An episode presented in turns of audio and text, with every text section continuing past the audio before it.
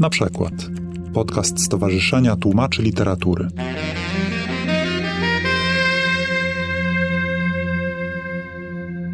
Dzisiaj będę rozmawiał, będę miał przyjemność rozmawiać z osobami, które zajmują się kolejną profesją, dzięki której książki, które czytamy, wyglądają tak, jak e, wyglądają. Jestem bardzo zadowolony, że Ania Karczewska, e, organizatorka weekendu, zaproponowała taki temat. Jakiś czas temu była taka duża dyskusja, ona się do dzisiaj toczy nad e, obecnością i widocznością tłumaczy książek i dzięki stowarzyszeniu między innymi tłumaczy literatury mam wrażenie, że jest coraz lepiej, jakby, że o tych tłumaczach rozmawiamy, doceniamy ich, oni się pojawiają, czasami nawet na okładkach książek są wymieniani.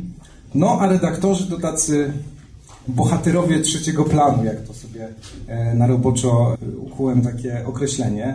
Oni są gdzieś tam petitem na stronie redakcyjnej wymienieni, a właściwie bardzo dużo od nich zależy. I chyba tutaj mam nadzieję, że sobie o tym e, e, porozmawiamy z moimi gośćmi, których witam serdecznie. I po kolei jest ze mną pani Krystyna Bratkowska, z Niszy, z wydawnictwa Nisza. E, założycielka, redaktorka, e, redaktorka inicjująca, redaktorka prowadząca, tak, całe wydawnictwo Nisza.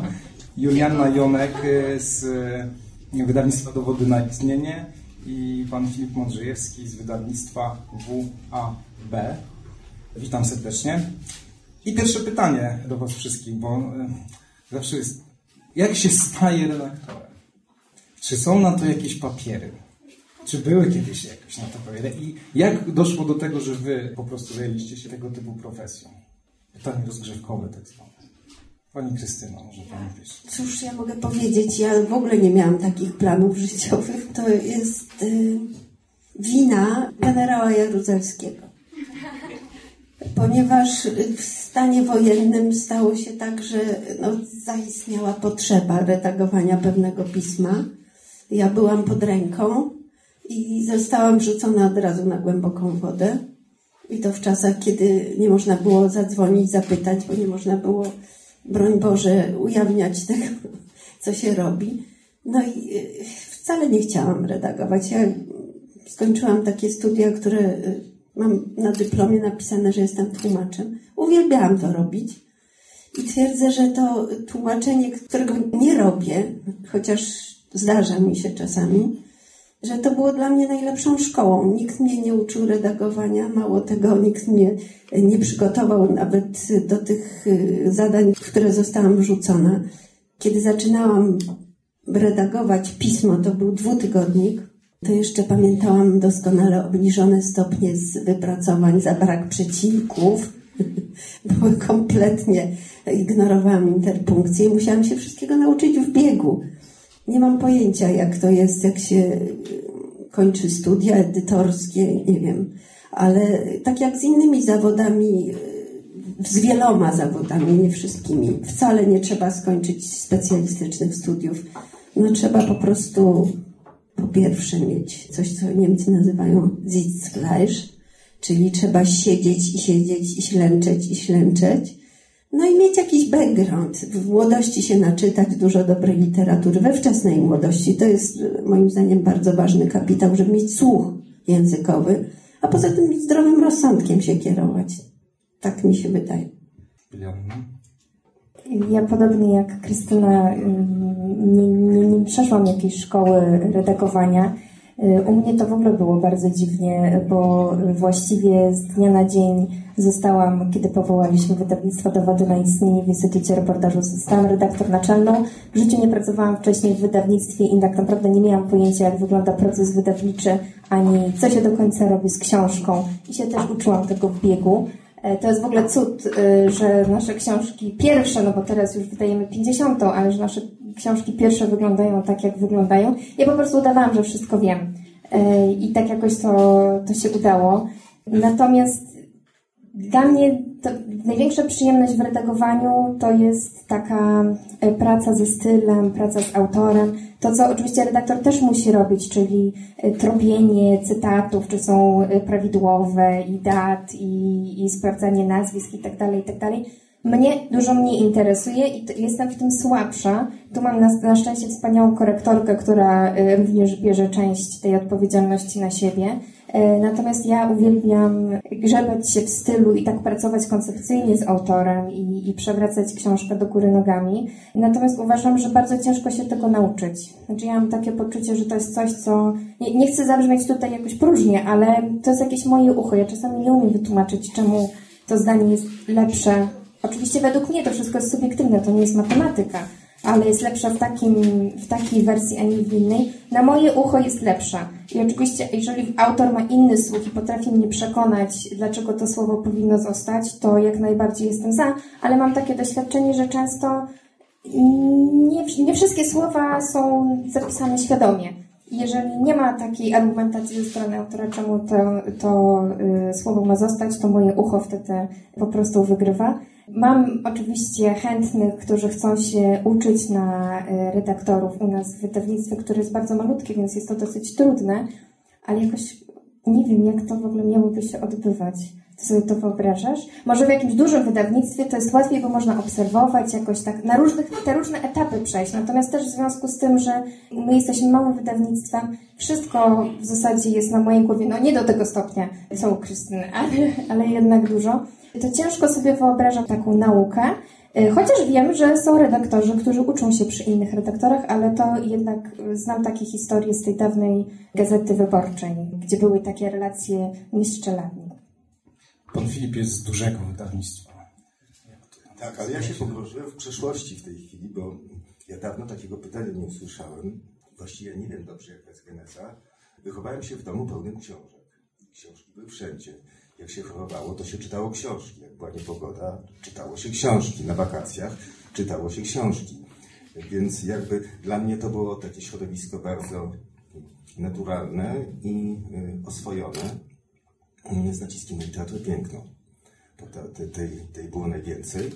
No i y, gdy przestałem uczyć w szkole języka polskiego i filozofii, miałem taki krótki epizod i nie widziałem tam już swojej przyszłości. Zacząłem pracować w wydawnictwie i od tej pory zaczęła się nauka, bo ja nie mam, e, e, nie mam poczucia takiego, że, że jestem jakby spełniony, prawda? Że, że zjadłem wszystkie rozumy, bo ja się e, cały czas czegoś muszę nowego uczyć i to jest taka wiedza interdyscyplinarna, bo zdarza się czasem też pracować nad literaturą faktów, rzadziej przecież, ale jednak i tam już zupełnie inne reguły, inne konwencje panują, więc a właśnie, to jest, to jest istotne. Ja się wielu rzeczy do tej pory nie nauczyłem. I tu gdzieś widzę, y, że no, widzę taką część wspólną, jakąś cechę charakterystyczną, która łączy tych, którzy dla mnie redagują książki.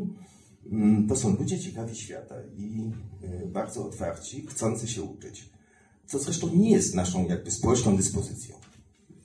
W tym kraju robimy to niechętnie, prawda? I tu widziałbym właśnie e, redaktora jako kogoś takiego, kto chętnie poznaje rzeczy nowe tak? i stawia im czoło.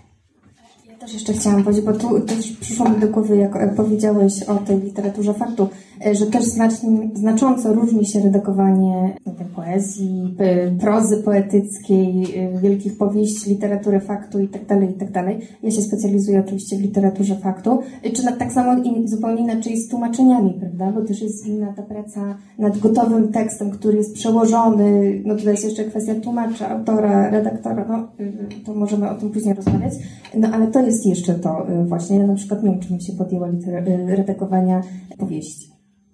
Wydaje mi się, że ważną, bardzo ważną cechą redaktora, zwłaszcza jeśli chodzi o literaturę piękną właśnie, jest coś, co wydawałoby się nie ma nic wspólnego z zawodowym życiem. Ja bym powiedziała, że jednak w tym wypadku ma. Mianowicie mam wrażenie, że przy wszystkich tych cechach, o których była mowa i właściwościach, potrzebna jest po prostu empatia. To znaczy, żeby się w miarę możliwości wczuć w autora i e, redagować tak, żeby no, nie posunąć się za daleko, a jednocześnie jednak no, mieć to pole manewru. A to pole manewru, jeżeli chodzi o literaturę piękną, właśnie powstaje wtedy, kiedy się uda y, współmyśleć i współodczuwać z autorem. Ja mam takie doświadczenie, jeśli chodzi o redagowanie literatury. Mogę coś na antypodach? Skoro mówimy o empatii, to ja powiem o psychopatii, więc jest też, jest też inna dyspozycja, prawda, że, mm, że w ogóle nas nie interesuje, co komuś w duszy gra, prawda? Nie współczujemy z nikim, nie zastanawiamy się, tylko traktujemy w wypadku literatury pięknej utwór jako coś, co realizuje konwencję literacką. Prawda? I wtedy to jest taki, taki probierz, że na tym polega nasza praca, żeby to, co w tym utworze nie pasuje do konwencji, zostało wyrugowane. I wtedy nikomu nie współczujemy, tylko bronimy autora przed tym samym. Ale jeszcze, widzisz, masz trudne, trudne zadanie dzisiaj, bo okazuje się, że jak nas już się wypuści z tych, z tych naszych gabinetów, to po prostu jesteśmy strasznym gadułem. Nie każdy redaktor dla każdego autora. Bo to, co mówisz o tej empatii, musi, musi być, wiesz, jakaś chemia między redaktorem i autorem. I u nas w wydawnictwie głównie redagujemy we dwie z Olgą Kitkiewicz. I się tak, tak też, też dzielimy, powiem brzydko, tymi y, autorami, właśnie po to, żeby żeby było pewne porozumienie, bo to jednak jest praca na bardzo delikatnej e, materii. W naszym przypadku przy literaturze faktu no ktoś włożył 3 lata życia, powiedzmy, czy 4 lata życia, przyjechał tysiące kilometrów, wydał strasznie dużo pieniędzy i napisał coś, więc usuwanie każdego zdania to jest jak kaleczenie mu skóry. Także trzeba się umieć dogadać później z autorem i autor z redaktorem, żeby cokolwiek sensownego z tego wyszło i żeby się wzajemnie nie, no, nie pokaleczyć. No właśnie, to ja zadam takie pytanie, które zawsze mnie przy pracy redaktora e, interesuje, bo dla mnie jest trochę takim e, chirurgiem plastycznym. Tak, trochę tam kroi, sztukuje, przystawia, e, tam śladów ma nie być widać potem i tak dalej. Ile redaktor może znaczy, ile jak dostajecie tekst, nie wiem, reportażu y, od kogoś, nie wiem, jakiegoś wstępnego szkicu, nie wiem, maszynopisu, tak, czy komputeropisu, powieści, ile może? Jak, I od razu pytanie pomocnicze, czy zdarzyło wam się naprawdę tak przeorać kompletnie jakiś tekst, postawić go na głowie, nie wiem, co, co robicie z takim tekstem, który widzicie, no, trzeba działać, tak? Bo, to, bo tego potem, bo efekty tego widać, ale nie każdy wie, że coś się tam zadziało. To wszystko zależy od autora, to znaczy od tekstu i od autora. Trzeba po pierwsze porozmawiać z autorem i zorientować się, czy można tak orać głęboko. Nie zawsze można. Zdarzyło mi się w ubiegłym roku oddać pewną książkę do redakcji. Książka została zredagowana, autor zaakceptował redakcję. Znaczy, nie przeze mnie, ale ja to oglądałam i uważałam, że to były jak najsłuszniejsze poprawki. Autor zaakceptował, po czym zadzwonił, że przemyślał sprawę i życzy sobie, żeby książka poszła do druku dokładnie tak, jak on ją napisał. No oczywiście nie wydałam tej książki, ale od początku miałam takie wrażenie, że no to nie jest człowiek, z którym ja bym się tak mogła dobrze dogadać i stąd też był ten pomysł, że może niech ktoś inny to zredaguje, bo ja muszę mieć poczucie, że dogadujemy się, że się od początku dogadujemy. Tu siedzi jedna autorka, coś może powiedzieć na ten temat, jak się dogadywałyśmy dość długo, ślęcząc nad tekstem, ale no to jest podstawowa rzecz. No, wydaje mi się, że jak nie ma tej, brzydko mówiąc, chemii, no to nie ma co się w ogóle zabierać, bo nie można w kontrze do autora pracować. Ja uważam, że jeżeli chodzi o poprawki w tekście, to the sky is the limit Mamy ten sam cel, i ja, i autor. Chcemy, żeby ta książka była jak najlepsza. Nie robimy niczego na złość sobie, ani żeby coś komuś zepsuć, nie wiem, nadepnąć na odcisk. To jest wspólna praca. Oczywiście trzeba pamiętać, że zawsze autor jest autorem i to jest jego nazwisko tam, ale tam jest też również logo mojego wydawnictwa i oboje ponosimy jakoś odpowiedzialność za to. I sukces jest wspólnym dziełem mimo wszystko i, i porażka, czy, czy na przykład błędy puszczone też idą na wspólne konto, ale oczywiście nieprawda? Yy, tak, ale myślę, to możemy wejść głębiej w tę rozmowę. Już była jeszcze kwestia redakcji merytorycznej. Na przykład w przypadku literatury faktu my praktycznie każdą książkę dajemy do redakcji merytorycznej, bo redaktor, tak jak my jesteśmy tutaj redaktorami, nie mamy obowiązku znać się perfekcyjnie na wszystkich krajach i na wszystkich kwestiach możliwych są eksperci i, i można skorzystać z ich wiedzy, oni chętnie pomagają. Więc tutaj jest jeszcze kwestia, czy na przykład wydawnictwo zechciało wysłać książkę do redakcji merytorycznej, prawda? O tym bardziej mówię. Natomiast jeżeli chodzi o pracę nad tekstem, to y, tak, bywały bardzo trudne. y, Trudne w sensie, że wymagały dużo pracy, dużo ingerencji em, takie książki. Natomiast ze wszystkimi autorami się to odbywało, przynajmniej w moim przypadku, w dużej przyjaźni, jakimś takim zaufaniu, nigdy się z nikim nie pokłóciłam. Ale często wymaga to y, dużej ingerencji. W przypadku reportażu, umiem sobie wyobrazić, że w przypadku powieści jest inaczej. Ja wyjmę z tego pytania takie rzeczy, które nie padły do tej pory. Na chwilkę zaproszę na swoje podwórko y, kryminalne, gdzie mamy literaturę gatunkową. I tu kwestia, co wolno, y, jest bardzo prosta. Wszystko wolno, ponieważ musimy zrealizować gatunek. Jeśli czegoś brakuje w dialogu, własną ręką dopiszę. Jeśli jakiś opis jest zbędny, zamaszyście skreślę, prawda? Bo, bo to nie pasuje do konwencji, prawda? E, I to jest, i to jest jakby mm, bardzo, bardzo mm, oczywiste. Mamy, mamy probierz, mamy trzcinę, prawda? I, i, i działamy.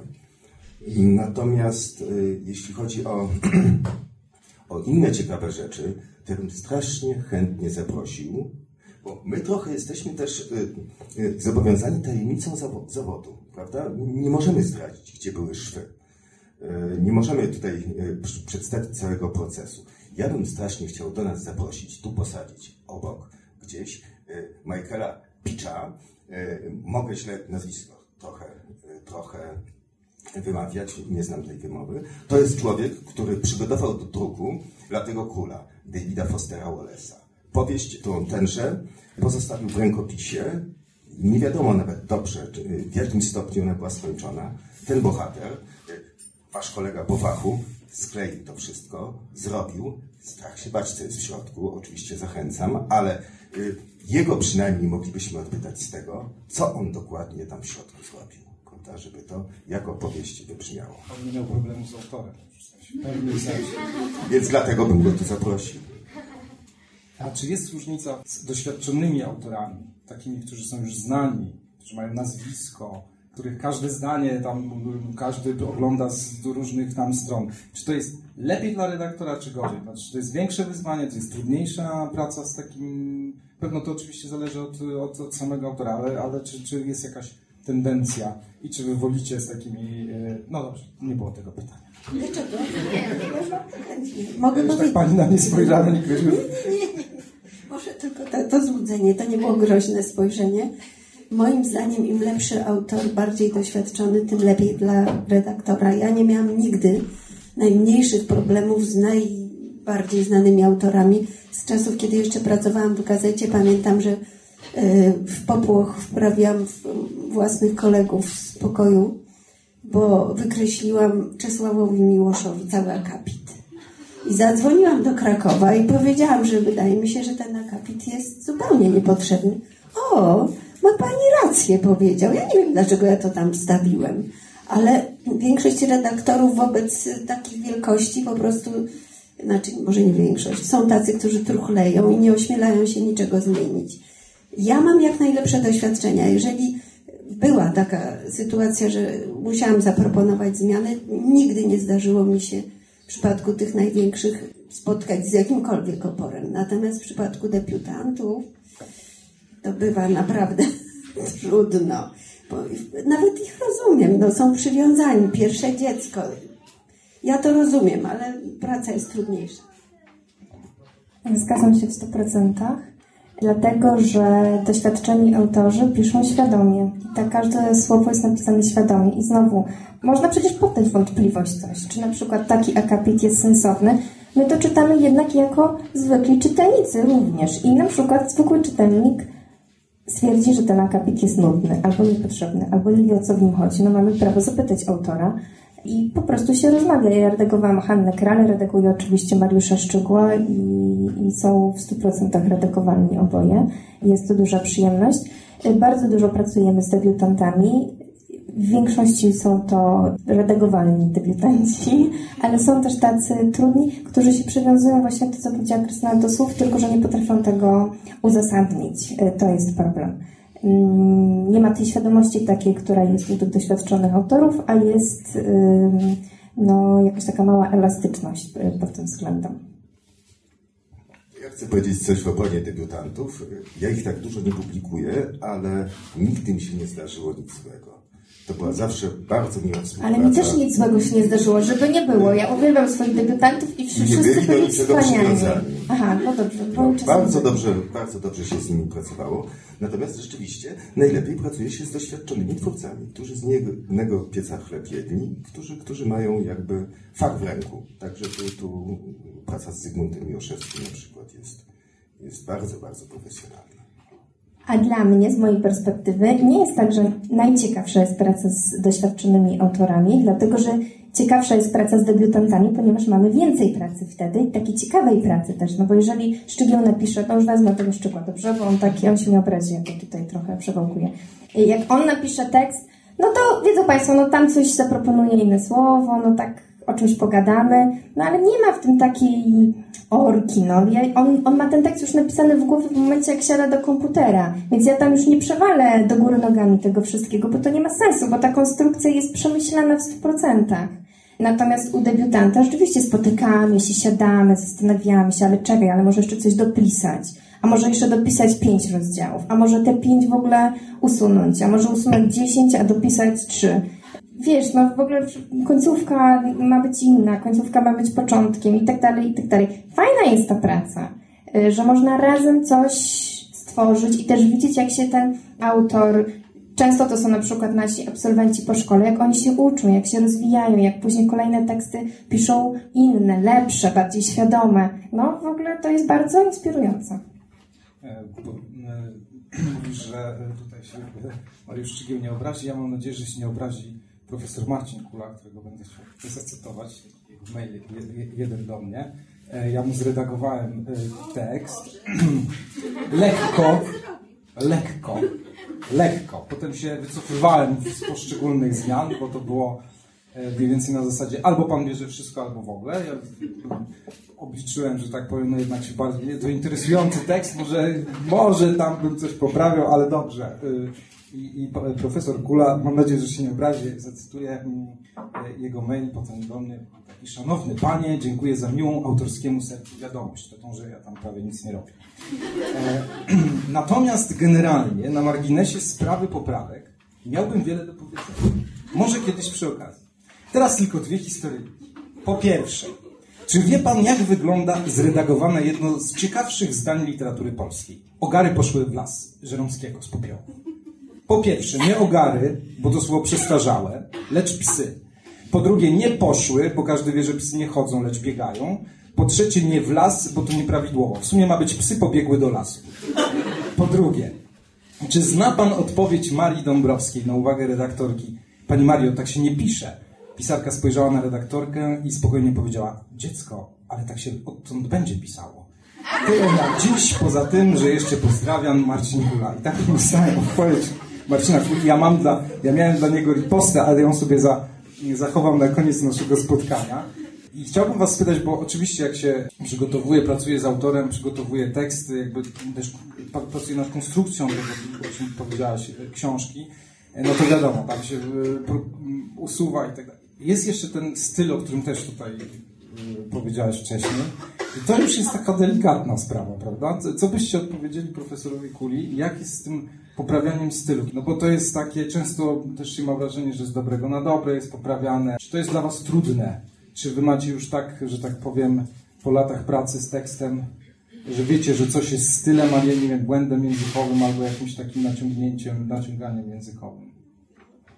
Znowu kwestia słuchu, to znaczy trzeba znać miarę, trzeba po pierwsze wyczuć styl autora, i wyczuć konwencję, prawda, o której Filip mówił dużo, bo to od konwencji ten styl też zależy, ale no, trzeba się trzymać tego stylu, ale jednocześnie, y, no nie wiem, no, no to jest kwestia słuchu, tylko i wyłącznie, nie, nie, nie ma na to reguł, to z każdym tekstem inaczej się pracuje, ja, ja bym nie potrafiła znaleźć jakiejś reguły do zastosowania w każdym wypadku. Zgadzam się i też ym, ja na przykład no, ja nie jestem faszystką taką, jeżeli chodzi o poprawność i że nie można absolutnie czegoś błędnego napisać, bo słownik zabrania. Znaczy, jeżeli Wymaga tego ta opowieść i autor wie, dlaczego napisał to w ten sposób i to się uzasadnia w tym tekście, mimo że jest błędne, załóżmy, to tak, jak najbardziej możemy to zachować. No oczywiście to, to jest mm, żart no, z tym Żeromskim. By go tak nie zredagował. Jakby go zredagował, to byłby złym redaktorem. Jeżeli się nawet pojawia jakiś błąd w tekście, błędnie, nie wiem, błędnie użyte słowo, znam przypadki y, reporterów, którzy piszą z zagranicy i w inny sposób na przykład transliteracja przechodziła. Oni inaczej zapisywali niż powinno być zapisywane wyrażenia z obcego języka.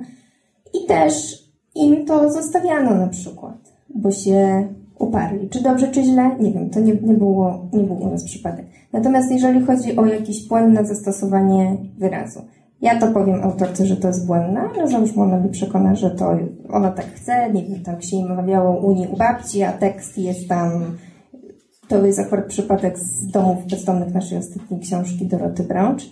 Później oczywiście mi to korektorka podkreśli jako błąd. Ja powiem, że tak, ale Dorota, tam babcia jej mówiła, to tekst o babci, a to jest tam narracja babci, musi zostać. W drugiej korekcie znowu mi to korektorka podkreśli z przypomnieniem, że to jest błąd. Ale my świadomie to cały czas zostawiamy, prawda? To nie jest, to nie jest przepuszczone, tylko to jest zostawione świadomie. I tyle, no. To, to po prostu, tak jak mówisz, no nie, nie, ma, nie ma zasady co do tego.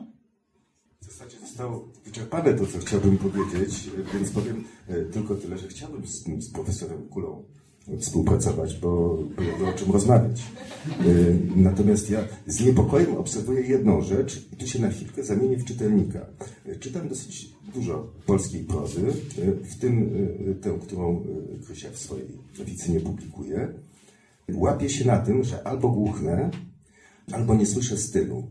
Krótko mówiąc, czasem mi się zdaje, że im młodsi są autorzy, tym y, trudniej ja uchwytuję, użyję ulubionego słowa, y, ich styl.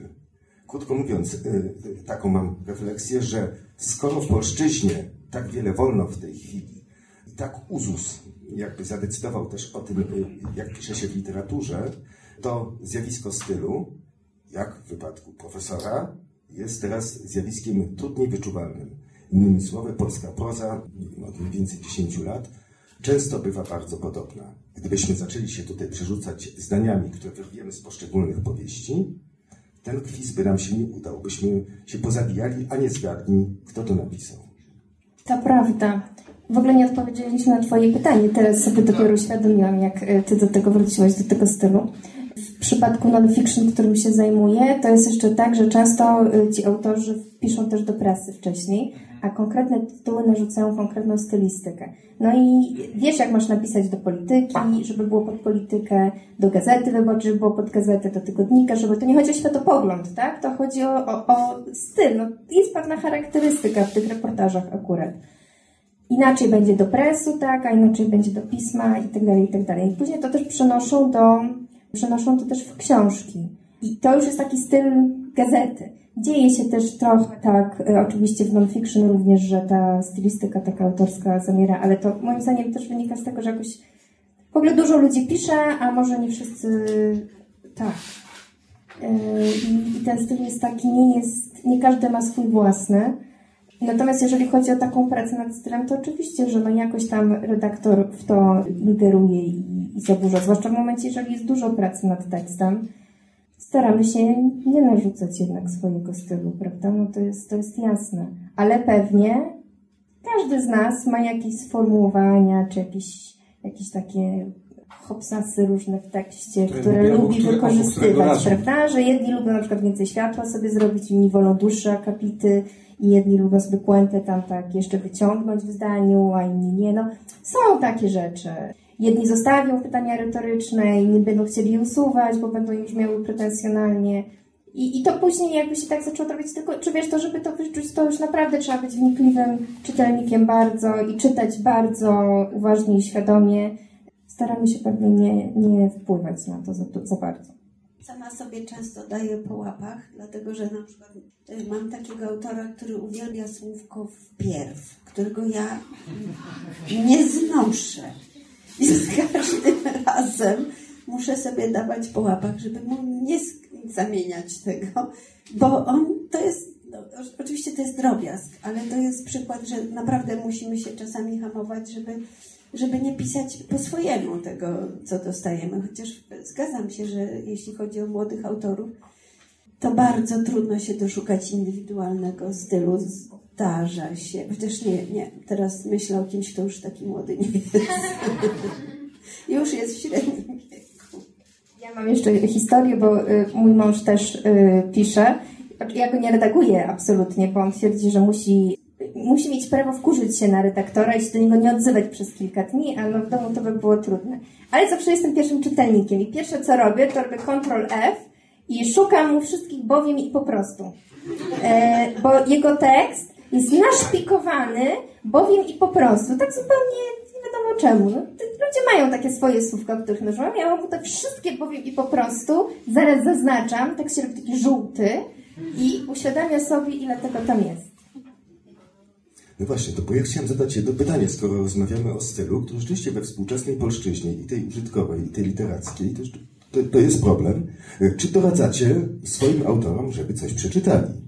Żeby, żeby czymś się inspirowali, bo to też czasem jest jakaś pomoc. Tak.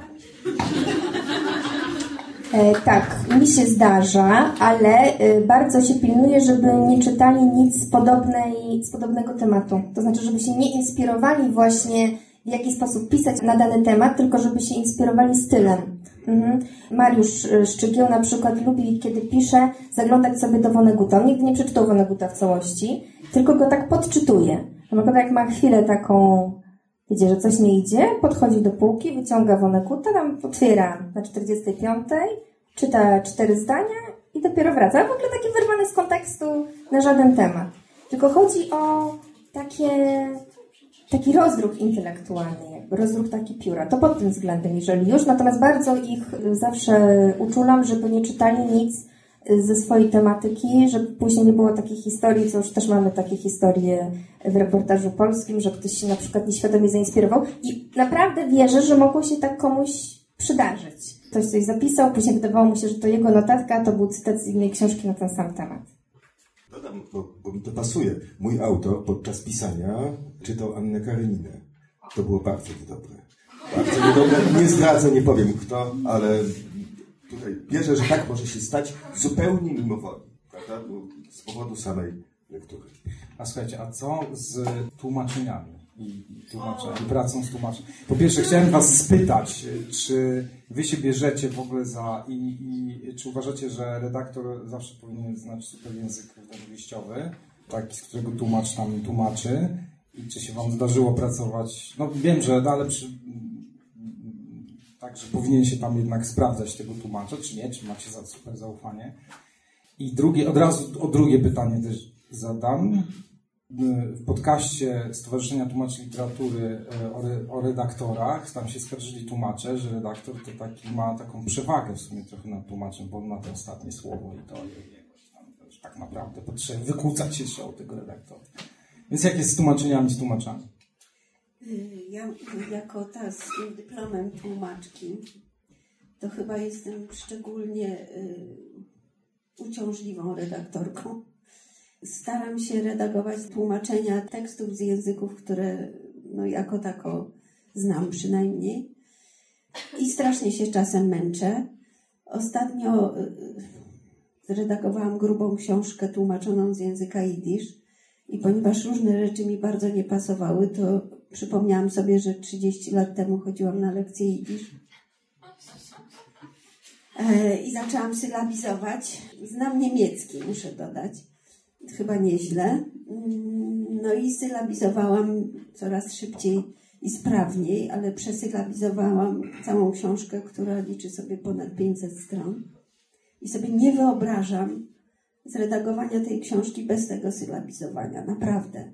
Zresztą autorka tłumaczenia y, doceniła y, y, moją pracę, która była no, ponadstandardowa zdecydowanie, ale w wypadku tłumaczeń z języków, których kompletnie nie znam, staram się przegadać wszystkie swoje wątpliwości z autorem tłumaczenia, to znaczy z oryginałem pod ręką dopytuje, maltretuje. Kiedyś Szczygiem nawet napisał o mnie, że jestem piła. No jestem piła.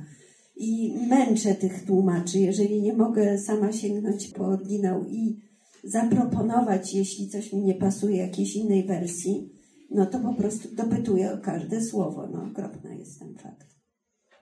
Nie lubię redagować tłumaczy. Straszna robota. Wynika to z tego, że to, co najbardziej lubię, jak powiedziałam wcześniej, to taka praca rzeczywiście nad tekstem. Tutaj tego być nie może. No nie poprzestawia się nagle, no tak, ale nie poprzestawiasz zupełnie całej konstrukcji książki. Jednak jest się jakoś ograniczony. No jest jak, jakaś baza, prawda? Jest ten oryginał.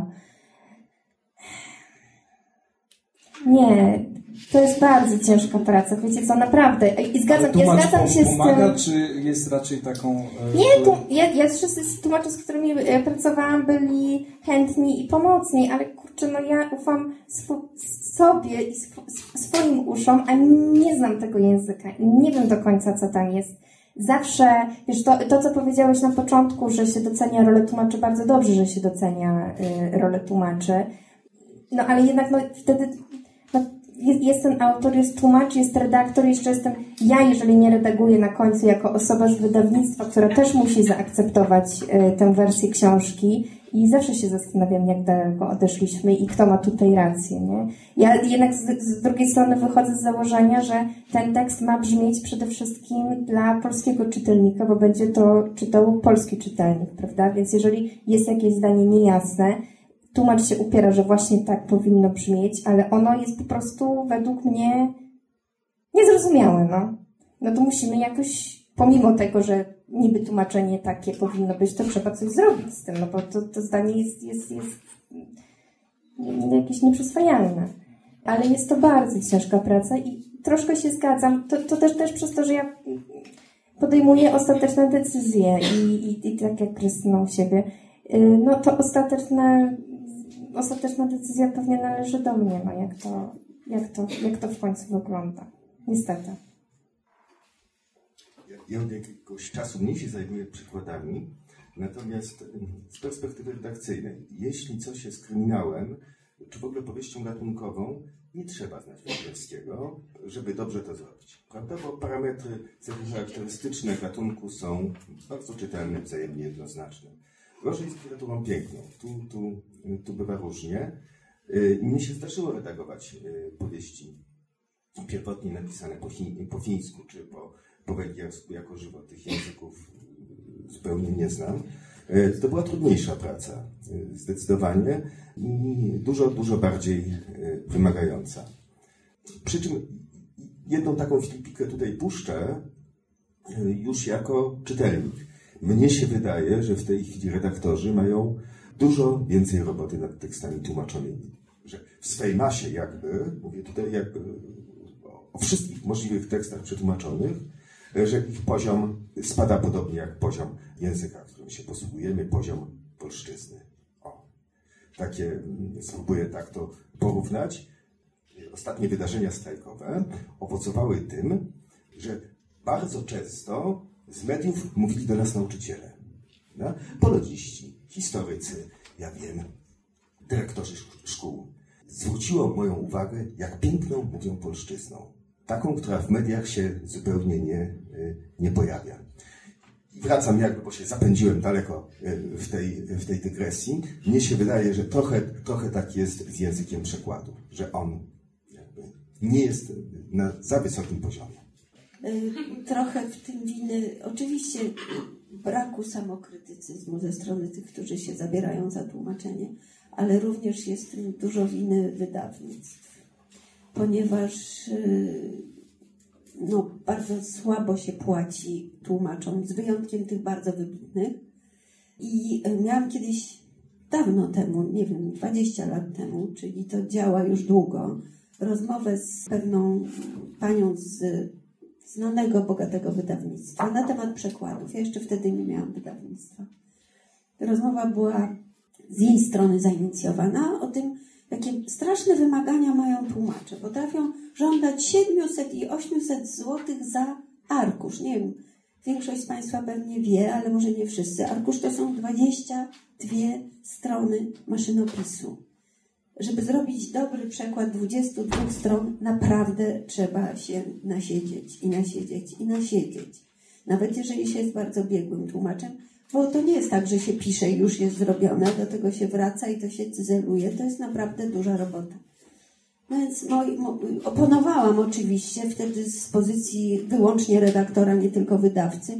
No jak to, ale przecież jeżeli, aha, bo ta pani argumentowała w ten sposób, że to w ogóle bezczelność, a przecież zawsze ze strony tych y, oczekujących wyższych honorariów tłumacza, przecież zawsze można znaleźć kogoś tańszego. To było duże, bogate wydawnictwo. Ja mówię, jak to kogoś tańszego? No to potem redaktor musi to tłumaczyć na nowo. Na co ta pani się jeszcze bardziej obruszyła. Powiedziała, no wie pani, redaktorzy dostają takie śmieszne grosze. Oni bez głodu umarli, jakby tak robili. Oni mogą tam cokolwiek tam drobnego poprawić. Nie mają czasu na to. To korekta będzie poprawiać, a korekta dostaje jeszcze mniej. No więc nie dziwmy się poziomowi tłumaczeń. Y, Oczywiście to jest straszne, że taki jest poziom tych tłumaczeń. terminy jeszcze dochodzą, prawda? Czasami Oczywiście, tak. Jeszcze trzeba to zrobić w miesiąc.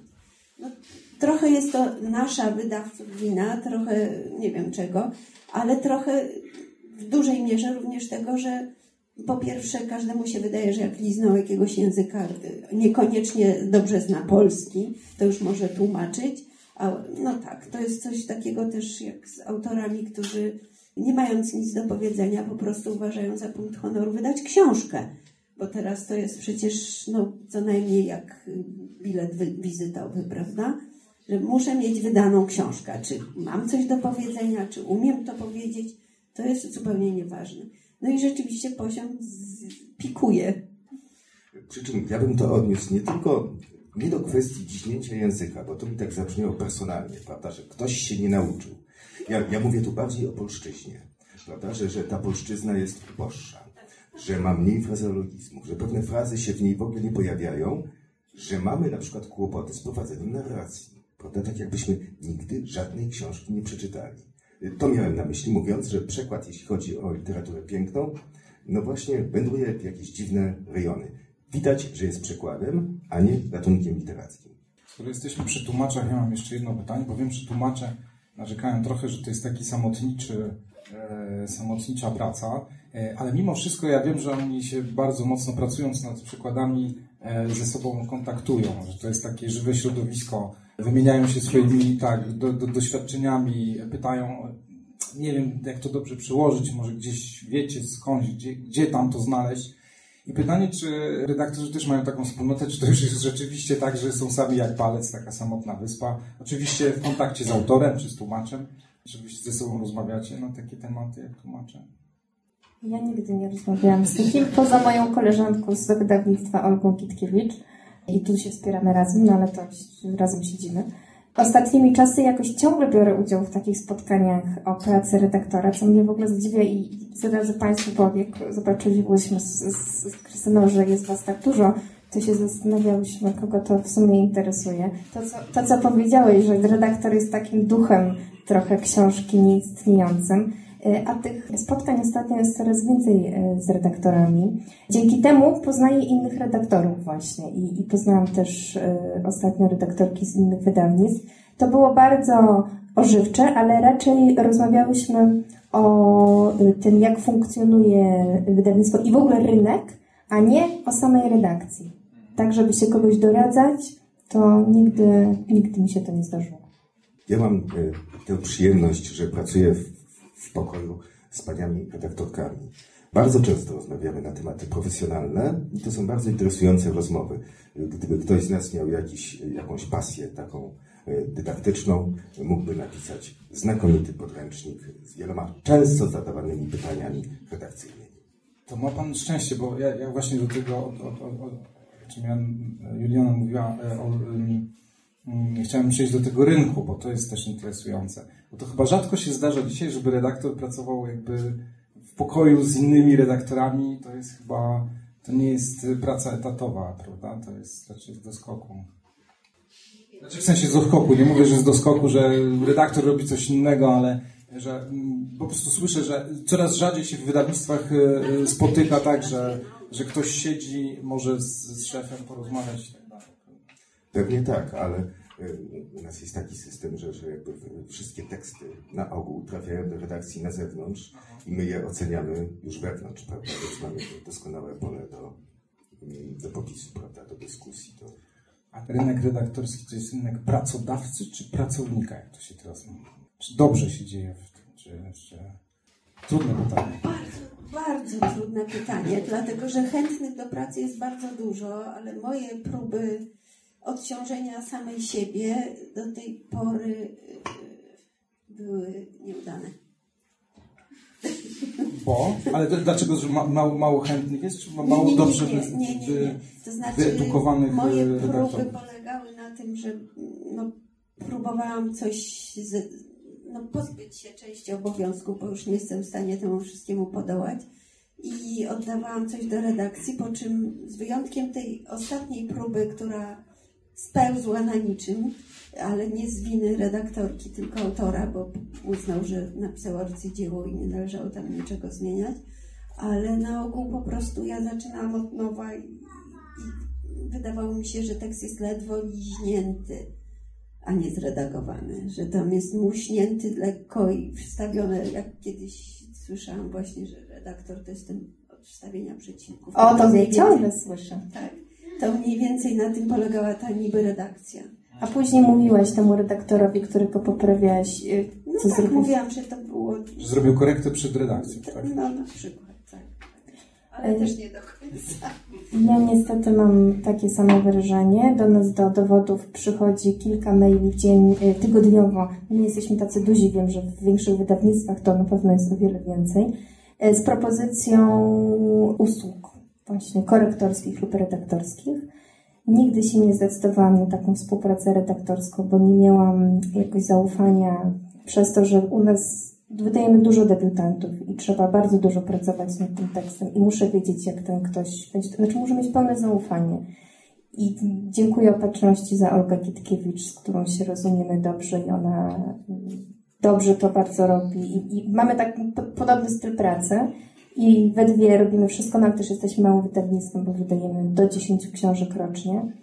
Natomiast jeżeli chodzi o korektę, próbowałam wielokrotnie z osobami, które miały zachwycające, zdawałoby się, CV i doświadczenie, bo oczywiście, no, ja wiem, że ludzie po studiach też muszą zdobyć doświadczenie, ale ja w małym wydawnictwie nie jestem w stanie im pozwolić udostępnić takiej pracy właśnie ramię w ramię, prawda? Nie ma czegoś takiego.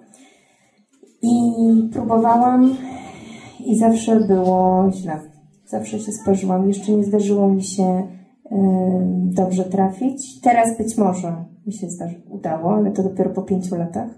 Także mamy dwie korektorki takie zaufane, y, które są bardzo doświadczonymi y, korektorkami, ale jest bardzo ciężko i to znowu tak jak rozmawialiśmy o tłumaczach, to mam takie poczucie, że y, kwestii korekty na przykład, czy redakcji pewnie też, na przykład jeżeli ktoś skończył polonistykę, to już wydaje mu się, że może być redaktorem lub korektorem na 100%, prawda? Że no, nie jest tak do końca. Nie, nie bardzo wiem, skąd się ci redaktorzy też mają brać, bo nie wiem, jak oni się mają kształcić. To, o czym rozmawialiśmy na początku. My mieliśmy pomysł Fundacji Instytut Reportażu, żeby stworzyć taki kurs redakcji, ale było bardzo mało chętnych. No jednak musi być przynajmniej tylu chętnych, żeby to się sfinansowało, prawda? Żeby było na honoraria dla prowadzących. Jeżeli to będzie sześć osób, no to nie jesteśmy w stanie stworzyć grupy. Wiem, że powstają takie pomysły wewnątrz Gazety y, Wyborczej, żeby taką wewnętrzną szkołę redakcji zrobić. To im się chwali, że coś próbują robić. Nie wiem, co z tego wyniknie. Być może powinni zaczynać młodzi redaktorzy od krótszych tekstów po prostu, bo to też jest tak, że no przecież książka... Tak. Ja wiem, że to jest inny rodzaj też pisania. W ogóle publicystyka to jest co innego. Tam do, rzadziej dochodzi do tych kwestii stylu, o których tutaj Pan mówił. Znaczy, jeśli jeszcze mogę wciąż do tego, co, co Pani mówiła, bo y, jest przecież szkoła redakcji na UW, studia podyplomowe. Chciałem właśnie pochwalić. Są i tam jest bardzo Zaraz pochwalę. Nigdy nie miałam akurat do czynienia z nikim y, po tej szkole, No, więc... oni dosyć, dosyć parę, spo- nie wiem ile dokładnie lat jest ta podyplomówka, ona ma dwa stopnie, podstawowy i zaawansowany. Czy Państwo tam z tyłu słyszycie? Tak. I tam jest y, naprawdę duża frekwencja w i w tym roku ja kończę tak teraz to jest około 40 osób. Y, Nieco mniej jest na tej ścieżce zaawansowanej w tym roku, około tam 20 paru. Ale jak rozmawiam z naszym głównym prowadzącym, czyli z panem Tomaszem Karpowiczem, to tych osób jest co roku około tych 40 na tej ścieżce podstawowej, więc to jest dosyć duży przeród i zastanawiam się, słuchając pani, gdzie my mamy biedniucy iść na te pierwsze prace, bo ja, ja, powiem, ja powiem Ci też, dlaczego u nas na przykład jest ciężko, na przykład w dowodach. My jesteśmy małym wydawnictwem, mamy krótkie terminy, bardzo krótkie, znaczy wszystko jest po deadline'ach właściwie. E, Nie, jeszcze nie funkcjonujemy w ten sposób, że teraz planujemy sobie książki na za 4 lata, prawda, czy tam na za 3 lata. I jeżeli ja mam zawsze za mało czasu na redakcję, zawsze za mało czasu na korektę, zawsze za mało czasu na, na skład, zawsze za mało czasu na druk i przez to nie mam czasu, żeby dać redaktorowi nowemu, początkującemu na przykład na próbę, albo żeby zrobił jako pierwszy, a ja będę robić jako druga i on jeszcze będzie później się przyglądał temu, bo to potwornie wydłuża ten cały proces. Y, I to u nas z tego wynika. To, to, to jest to, co mówię, że ciężko u nas złapać takie doświadczenie. I mam kolegę, który y, na studiach pracował jako barista we Wrzeniu Świata, kończy polonistykę i chciałby być redaktorem. I chciał u nas przyjść na staż. Ja mówię, co ty u nas zobaczysz? Jak ja siedzę we Wrzeniu przed komputerem, no wiesz, to, to w ogóle to nie jest praca w wydawnictwie. No tak duże wydawnictwa nie funkcjonują. Żeby się nauczyć, to powinien iść na taki staż, czy tam na jakąś, na początek pracy do dużego wydawnictwa, żeby właśnie móc się tak przyglądać, a nie patrzeć tylko jak ja w stresie biegam, bo deadline. No. Dwie rzeczy dodam. Y, Z tych studiów podyplomowych, o których tutaj była mowa, gdzie jest znakomita publiczność, i to, to, to, to bardzo sobie chwalę, od chyba pięciu lat tam wykładam elementy typografii. Trwale współpracujemy z trzema osobami i bardzo, bardzo jesteśmy z tego, z tego zadowoleni. A przy okazji powiem, że w WAP od, od kilkunastu lat mm, około 150 osób przewinęło się przez y, staże w redakcji trwające dwa miesiące. Myślę, że z, z tych stu kilkudziesięciu osób około jednej czwartej znalazło prędzej czy później gdzieś pracę w wydawnictwie na różnych stanowiskach. Natomiast jeśli chodzi o jakby pracę bezpośrednio z książką, bo to mogły być stanowiska w dziale promocji, marketingu, jakichś innych y, jakby y, jednostkach, y, z tych kilkudziesięciu osób mniej więcej 10, może 11 trwale, skutecznie i z przejęciem zajmuje się do dzisiaj książkami. O. Przy czym o, tych wszystkich osobach, podobnie jak o tych trzech ze studiów podyplomowych na polonistyce, muszę powiedzieć, że to są osoby ze skłonnościami książkowymi. Tak? Że, że tutaj jakby ani staż, ani studia podyplomowe, to, nie, to może nawet nie był warunek konieczny, prawda? To, to, to był tylko jakaś mała, mała pomoc. Mówiliśmy, rozmawialiśmy o języku, że on się tak lekko dewaluuje. A jak jest z tym prestiżem, jak, jak wy to odczuwacie z prestiżem zawodu redaktora teraz? Bo teraz zmienia dużo też internet zmienił. Nie wiem, ja mam takie wrażenie, bo mamy nie wiem, w internecie zalew tekstów, które są tam, nie wiem, czy w ogóle są redagowane, prawda, i tak dalej. Pośpiech wydawniczy, szybszy skład i tak dalej. No, Trudno odpowiedzieć na pytanie takiej osoby jak ja, bo ja występuję w podwójnej, potrójnej, poczwórnej roli, sama nie wiem. I nie wiem, jak jestem odbierana, czy jako redaktorka, czy jako wydawczyni, czy jako pani, która staje za ladą od czasu do czasu. I tak czy siak, za dużo jest tych ról i pewnie nie do rozdzielenia. Ale ciągle mm, słyszę od różnych osób w różnym wieku opowieści o bardzo starszych paniach, jeszcze starszych niż ja, z różnych y, wydawnictw. Czasem one już są na emeryturze, czasem współpracują jeszcze z jakimiś wydawnictwami z doskoku. I o nich się mówi naprawdę z wielkim szacunkiem i podziwem. Nie słyszałam, żeby y, o młodych tak się y, mówiło, niestety. No może to musi po prostu potrwać, ale nie wydaje mi się, żeby rósł prestiż tego zawodu. Niestety nie rośnie. Ja mam podobne odczucie. Są takie legendy, prawda, y, redakcji. Jeżeli chodzi o non-fiction, to na przykład była Krystyna Goldbergowa, z którą miałam jeszcze przyjemność mieć do czynienia. Ta biblioteka, którą Państwo widzą, teraz będzie moja prywatna, ta biblioteka po prawej stronie, która zostanie uruchomiona jako biblioteka literatury faktu, została w znacznej części ufundowana y, po śmierci Krystyny Goldbergowej przez nią właśnie, z jej książek. y, U niej książki literatury faktu były wszędzie w domu, w każdej szafce i to jest właśnie dzięki niej. Ja nie mam poczucia, żeby to y, praca redaktora wiązała się z jakimś prestiżem. No, może w jakiejś takiej malutkiej banieczce tutaj u nas na Gałczyńskiego to, wiesz, nasi absolwenci jakoś doceniają moją pracę, ale tak to nie, nie. Ale też jakoś nie, jestem łasa na ten, na jakiś splendor związany z tym zawodem. Się, to jest normalnie wykonywana praca i tutaj nie ma powodu, żebyśmy my jakoś wyglądali ładnie, prawda? Y, Czy, cieszyli się jakimś zaufaniem społecznym? Nie, nie, absolutnie nie. Ale o jeszcze jednej rzeczy tutaj, tak jak Was słuchałem, y, pomyślałem sobie, że przecież mnóstwo tekstów w tej chwili ukazuje się bez żadnej redakcji. Prawda? Nie zaszczycił ich nikt. Prawda?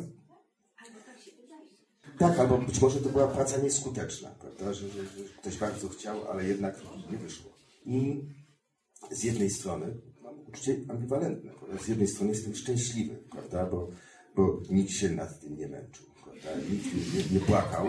I cieszę się z tego powodu, y, że te teksty się ukazały gdzieś tam, prawda? Bo łatwo jest teraz, łatwiej niż kiedykolwiek tekst wydrukować. Innymi słowy, co ja chciałem często powiedzieć, ci, którzy piszą te teksty, oni nie wierzą w coś takiego jak redakcja, redaktor y, czy inne rzeczy. Oni uważają że jak napisane, to, to powstało, prawda? Już tak ma być. Więc no, nawet się cieszę, że jest tylu właśnie niewierzących. Chociaż może to jest tak, że może nie aż do tego stopnia, y, może jest dobrze, że nie widać y, redaktora jak w Szwecji na przykład. Mi przed tym spotkaniem Justyna y, Czechowska napisała, że w Szwecji się nawet nie podaje na stronie redakcyjnej, kto robi redakcję. W ogóle nie ma. Po prostu to jest duch. Redaktor to jest duch, ale rozumiem, że nie o to, nie o taką dyskrecję chodzi w tym cięciu. Pracę przez lata też w Polsce obowiązywała, prawda? Jak, jak zajrzymy do książek wydawanych w latach 60., 70., bardzo rzadko, co najwyżej w literaturze naukowej y, zdarzają się redaktorzy, a tak przy literaturze A to pięknej... dobrze no, czy źle? Znaczy tak lepiej by było, gdyby było bez nazwiska. Czy... Ja bym, znaczy ja wiem ile reda- redaktor wkłada w książkę, więc ja, ja jednak ten, przynajmniej petitem. W jednym przypadku byłoby y, bardzo dziwnie, prawda? Gdybyśmy, y, gdyby ci, którzy redagowali y, książki Mirona Białoszewskiego byli wymienieni. To by było dziwne. Wiesz, my tutaj rozmawiamy o różnych rzeczach, a to ile tak naprawdę jest pracy w tych książkach redaktorów, to ani my tutaj nie powiemy, ani nikt o tym nie wie poza nami. Czasami nawet sam autor zapomina, ile tej pracy redaktora w tym było i ile, ile redaktor włożył w to serca. Oczywiście ja mam wspaniałe doświadczenia y, tutaj, no ale znam różne historie że szybko autorzy zapominają i przypisują sobie tylko, bo jest ich nazwisko na okładce, więc przypisują sobie tylko. No, więc może chociaż w tej stopce redakcyjnej, że ten redaktor tam jest. A ja sobie przypomniałem, dlaczego ja tak dziwnie odpowiedziałem. Ja po prostu wiedziałem, kto pracował nad tymi książkami. Ja wiedziałem, kto to jest Maria Ofierska, ja wiedziałem, kto to jest Marianna Sokołowska. Już. Ale ja muszę przytoczyć jeszcze inny przykład z, z, z drugiego końca spektrum. Mianowicie zdarza się, teraz wydałam książkę, to jest jej czwarte wydanie, i pierwsze poprawione w stosunku do pierwszego. A były tam błędy i korektorskie, i y, redakcyjne, to znaczy mm, nawet takie podstawowe historyczne fakty tam były niestety y, pomylone, powiedzmy. Za to w wydaniu trzecim, bo nie wiem jak w drugim, pierwsze było w zeszytach niezależnej myśli lekarskiej, więc można wybaczyć różne błędy, bo wiadomo w jakim trybie wydawane były książki, ktoś coś napisał, ktoś szybciutko to wydrukował, im szybciej, tym lepiej. I nie było czasem po drodze nikogo, kto by to sczytywał. Potem to wyszło w takiej oficynie, no może niezbyt ambitnej edytorsko. Ostatnio Świat Książki parę lat temu wydał tę książkę i przy okazji e, na stronie redakcyjnej e, znalazły się trzy nazwiska osób, które pracowały nad tekstem. Ja sobie porównałam. Dokładnie wszystkie błędy, łącznie z korektorskimi z pierwszego wydania, zostały pracowicie przepisane w tych trzech wydaniach, więc różnie to bywa. No bo to miało być edycja na warietur. Zapomniałaś o tym. No deser będzie moja odpowiedź profesorowi Marcinowi Kuli w mailu. Znaczy ja już tego maila nie będę całego cytował. On był krótki i bardzo miły oczywiście. E, Tekst poszedł, że tak powiem, zresztą ukazał się. Ale ja zacytowałem profesorowi Marcinowi Kuli taki wy- wy- wyjątek, fragment z rozmowy rzeki Josifa Brodskiego z Salomonem Wołkowem. To się ukazało w tłumaczeniu Jana Gondowicza chyba w Piwie kiedyś. I tam, mówiąc o emigracyjnych rosyjskich pisarzach, Josif Brodski mówił tak. Pisarz, który znalazł się poza Rosją, z miejsca przyjmuje pozę żony Cezara. Nożyce redaktora to ostatnia rzecz, na jaką się zgodzi. O żadnym redagowaniu nie może być nawet mowy.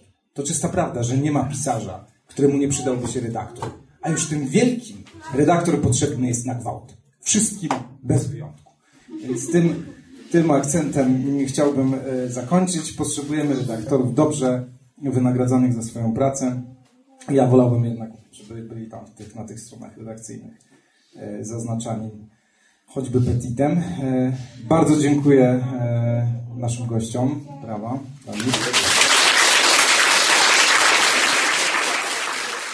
Wysłuchali Państwo na przykład podcastu Stowarzyszenia Tłumaczy Literatury.